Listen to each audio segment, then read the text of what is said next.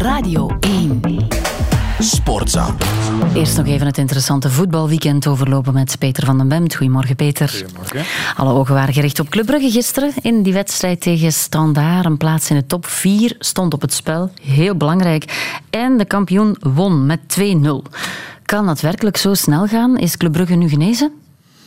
De koorts is wat gezakt, denk ik. uh, maar pas na de voor Club Brugge altijd moeilijke en vervelende wedstrijd in Kortrijk. Zaterdag zullen we kunnen zeggen of er echt beterschap is. Want niet vergeten, twee weken geleden, na die ook al even noodzakelijke overwinning in dezelfde omstandigheden tegen Agent, was er toch ook hoop uh, dat de kentering was uh, ingezet. Maar ik denk, de situatie is nu wel anders. En of dat nu terecht is of niet, wellicht wel.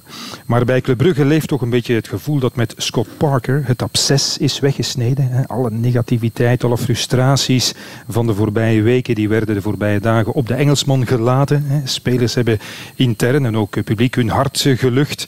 Uh, zijn aanpak was slecht, zijn people management uh, onbestaande, zijn keuzes onbegrijpelijk. En met Parker is dat nu allemaal eigenlijk de deur uitgegooid. Dat is het uh, gevoel dat toch leeft bij Club Brugge. Rick de Mille, de interim coach, die blijkbaar ook wel dezelfde gevoelens had, lees ik tussen de lijnen, die heeft dat gewoon heel slim aangewend om ja, een grote samenhorigheid te creëren. De spelers uh, vertrouwen, maar ook verantwoordelijkheid te geven. En die hebben die genomen. En ik vond niet dat Club Brugge nu ineens veel beter voetbalde dan daarvoor. Maar er zat wel strijd, leven, beleving in de wil om een resultaat neer te zetten. En het helpt natuurlijk ook dat je, behalve dan op de eerste tien minuten, die ik wel goed vond van Standaard, dat je aan de roesjes niet kon zien, wat ik vorige week zei, dat ze met groot vertrouwen kwamen voetballen in Brugge. Dat is toch ook weer het jojo gevoel bij Standaard. En nadien bleef daar weinig van over. En ik vind dat Club Brugge uiteindelijk verdiend heeft gewonnen. En dat deed duidelijk heel veel deugd. En ik denk eerlijk gezegd, wat ik zei, dat intern nu meer dan twee weken geleden na Gent de overtuiging leeft dat dit een nieuwe start kan zijn.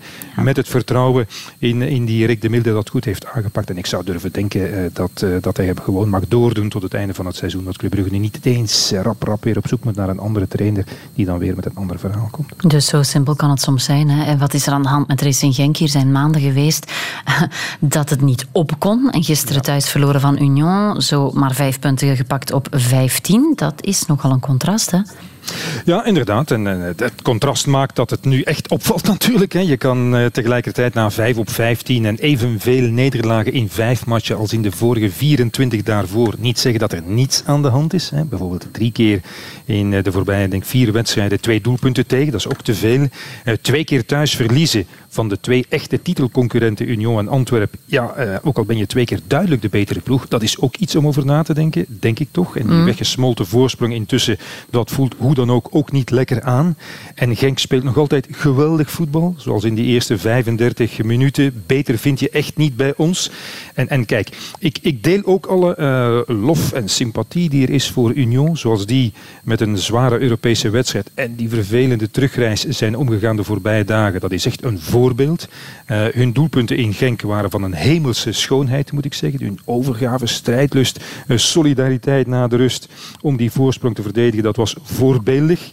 En, en un, un, uh, Union heeft uh, onder Karel Gerards ook al laten zien dat het zelf geweldig kan voetballen, aanvallen, druk zetten, dominant zijn. Uh, zoals in Brugge bijvoorbeeld. Maar goed, de donkere kant van Union gisteren met dat oeverloos tijdrekken, die vele kleine foutjes, het inreveren van de tegenstander. Ja, ik kan dat niet echt appreciëren eerlijk mm -hmm. gezegd. En misschien wordt dat wel het probleem van Racing Genk. want want Antwerp kan dat en Union kan dat. Ze zijn het allebei op die manier komen doen in Genk. ze kunnen geweldig voetballen, wat ik zei. Maar ook geweldig Antwerp, vervelend zijn. Maar lelijk winnen kan ook. En Racing Genk kan dat nog niet.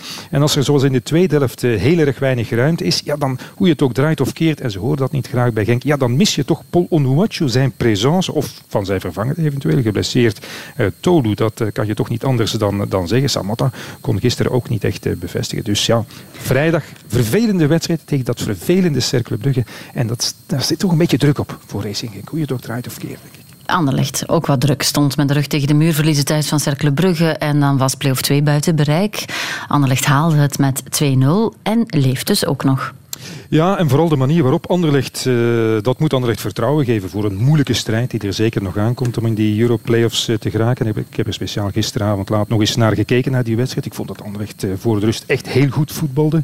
en elke tegenstander kan getuigen hoe moeilijk dat is tegen dat energieke Cercle dat je voortdurend te opjaagt. En Anderlecht voetbalde zich onder de druk uit, creëerde een race in kansen met ja, snelle combinaties, veel beweging. Ja, dat was echt goed voetbal zoals ze dat in het Van, van de Stok staan, zeg ik bijna. Het Lottopark, excuus, eh, graag zien en wat we te weinig hebben gezien uh, dit uh, seizoen. En amper drie dagen toch na die intense Europese wedstrijd tegen Villarreal. Dat is heel erg goed. Vier andere spelers op het veld.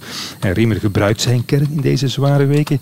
Dat is ook knap gedaan. En ja, het enige manco gisteren was natuurlijk die vele gemiste kansen. Hè. Met een beetje pech staat het ineens 1-1 in plaats van, ik zou zeggen, 6-2 of zo. Wat een juister beeld was geweest van de krachtsverhoudingen. Want in het slot is het dan toch nog een beetje harken tot aan die 2-0 van, van Slimani. En, en dat heeft uh, Anderlecht de voorbije maanden ook gemist natuurlijk. Hè. Iemand die vroet en sleurt en scoort, zoals die Slimani. En onwillekeurig moet ik eerlijk gezegd denken aan uh, Theodorczyk die wat onbehouden Poolse spits van in het laatste kampioenjaar van Anderlecht 2017. Hij heeft wel betere voeten, eh, Slimani, maar hij doet eh, dat precies, mhm. levert punten op. En oké, okay, Anderlecht is nog nergens. Nog een moeilijke wedstrijd de zondag in Leuven. Ze moeten ook nog naar, naar Racing Genk. En er is nog die Europese verplaatsing. En ik kan mij voorstellen dat ze bij Anderlecht denken, goed, dat Europees voetbal, laten we dat nu maar uh, afsluiten en een streep ondertrekken. Want de Conference League winnen, dat gaan we toch niet doen. Maar als je ziet uh, welke energie en, en uh, welke weinige momenten van grote vreugde dat Europees voetbal bij Anderlecht heeft opgeleverd dit seizoen, dan zag ik dat uh, donderdag in, in Spanje toch niet zomaar uh, zonder slag of stoot laten schieten. Oké, okay. en er valt altijd wel wat te beleven. Als we niet over de VAR praten, dan moeten we het over de outfits hebben. Ja, want wat was dat? dat is vrolijker, oké. Okay. Wat was dat daar in Luik? Ah, hilarische tafereelen. Uh, en, en, de collega's van het laatste nieuws hebben het verhaal geschetst. Uh, Antwerp treft ook wel blijkbaar schuld, want ze hadden niet de juiste truitjes mee. Maar ja, één helft lang zit je dus te kijken, Serra Antwerp, naar een wedstrijd waarbij je, en ik overdrijf een klein beetje, maar zeker voor de scheidsrechters, de twee ploegen nauwelijks kan onderscheiden. Ik vond dat ook met... niet te onderscheiden hoor. ja, Echt de met de rode ja. en de andere met zwarte truitjes. Dan hebben ze bij de rust gezegd, ja, daar gaan we nu toch iets aan doen. In principe moet Antwerp dan wisselen. Maar die hebben niet de juiste truitjes bij. Dus Serrain zegt, allee, pak die van ons dan. Dat zijn er witte. Maar dat gaat dan weer niet. Want eh, Serrain heeft een gokkantoor als sponsor, staat erachterop. Antwerp heeft een ander gokkantoor als sponsor. Ja, dat gaat natuurlijk moeilijk. Dus Serrain, vriendelijke mensen daar in Luik, die zeggen dan, goed, we zullen dan zelf meespelen met die witte truitjes. Maar die waren toch nog niet helemaal klaar.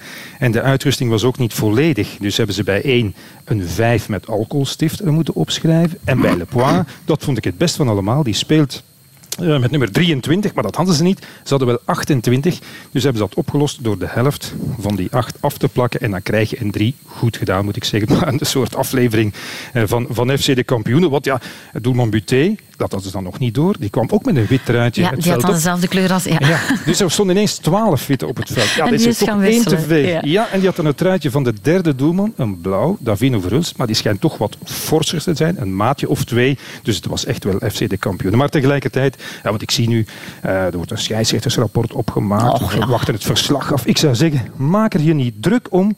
Want wat is er nu erger? En ik, vind, ik begrijp, het is vervelend voor de mensen van Serrain, voor de, voor de coach en de spelers. Het is een beetje belachelijk gemaakt, maar erger dan dat is het niet. Want wat is erger? Uh, een beetje plakken en, en eh, knippen en, en uh, kleuren in, in Luik of Sint-Truiden, dat nog maar een keer genekt is door de VAR. Maar gelukkig is mijn tijd opgebruikt. Dus daar gaan we het niet over hebben. Daar gaan we het inderdaad niet over hebben. En het was een goed verhaal. Dankjewel, Peter van Moment. Sportza.